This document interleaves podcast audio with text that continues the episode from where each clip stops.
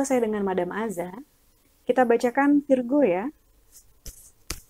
Virgo, untuk karir, kartu yang keluar adalah Universe.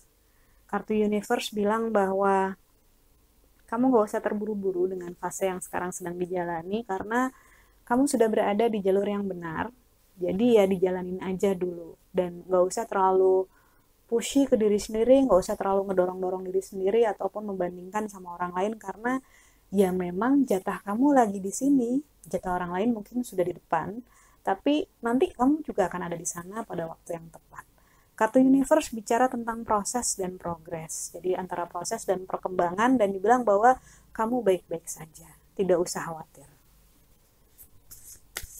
Untuk percintaan, kartu yang keluar adalah Death.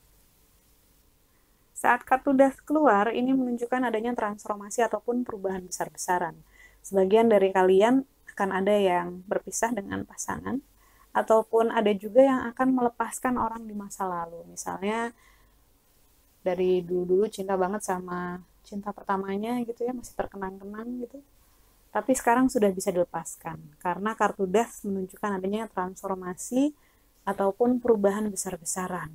Ini juga bisa berarti positif, bisa jadi yang awalnya berteman bertransformasi berubah menjadi pacaran gitu misalnya. Hal ini juga bisa terjadi. So, kartu das menunjukkan transformasi ataupun perubahan besar-besaran dalam hal percintaan.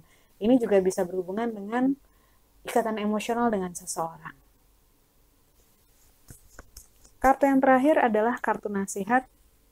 Yang keluar adalah kartu Hierophant. Kartu Hierophant menunjukkan orang yang memegang kitab Torah, yaitu ilmu pengetahuan, pengalaman, informasi, dan satu tangan di telinga. Jadi dibilang jangan terlalu keras kepala lah.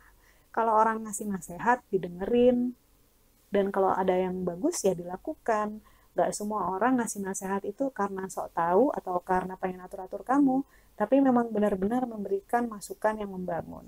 So, tidak usah juga merasa bahwa kamu lebih tahu dari kamu lebih tahu dari mereka, kamu lebih pengalaman dari mereka atau menganggap mereka tidak layak untuk ngasih kamu nasihat Gak semua orang berniat buruk, gak semua orang ingin menyerang kamu.